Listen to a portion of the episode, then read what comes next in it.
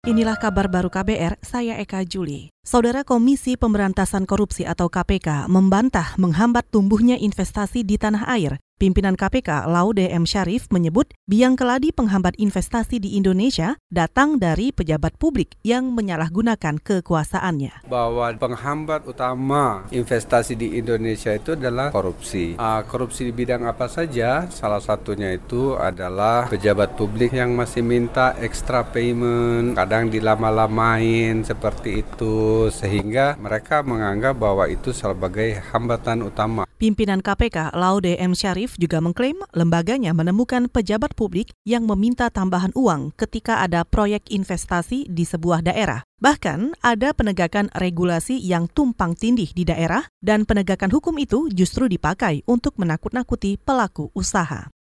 Saudara Menko Bidang Pembangunan Manusia dan Kebudayaan Muhajir Effendi menyebut Korban kekerasan bisa masuk sebagai kelompok yang mendapat layanan kesehatan. Kelompok ini rencananya dimasukkan dalam revisi peraturan pemerintah tentang jaminan kesehatan. Menko PMK Muhajir Effendi juga tidak bisa memastikan revisi aturan bakal rampung. Hal ini lantaran melibatkan kementerian di luar koordinasinya, seperti Kementerian Keuangan. Sebelumnya, LBH Apik Jakarta menyoroti korban kekerasan yang kesulitan mengakses layanan kesehatan termasuk visum. Ini terjadi karena korban tidak ditanggung BPJS Kesehatan, sementara visum dibutuhkan korban untuk melapor peristiwa yang dialami pada kepolisian.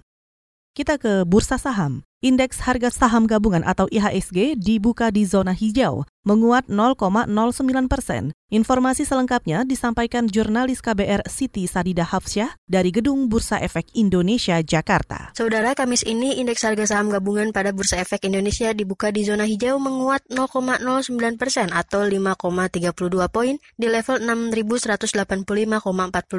Jika dibandingkan kemarin, pergerakan IHSG berakhir turun tipis 0,06 persen atau 3,41 poin di level 6180,1. Mengutip dari konten, ISG diperkirakan akan melemah kembali karena masih ada tekanan sentimen perang dagang antara China dan Amerika Serikat, apalagi tenggat waktu pengenaan tambahan tarif impor bagi produk China kian dekat. Sementara itu, berdasarkan data Bloomberg, nilai tukar rupiah di pasar spot dibuka menguat tipis 2 poin atau 0,01 persen ke level 14.036 rupiah per dolar Amerika Serikat setelah pada akhir perdagangan kemarin pergerakannya ditutup melemah 18 poin atau 0,31 persen di level 14.038 rupiah per dolar Amerika Serikat. Dari Gedung Bursa Efek Indonesia, Siti Sadida Hafsyah melaporkan untuk KBR.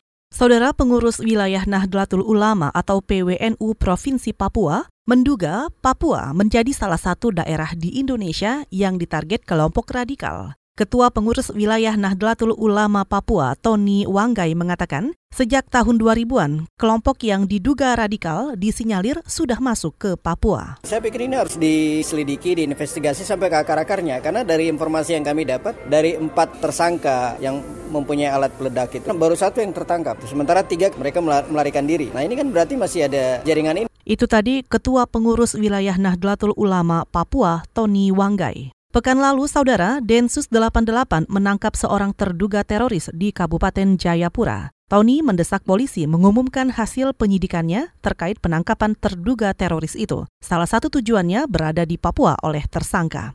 Saudara demikian kabar baru, saya Eka Juli.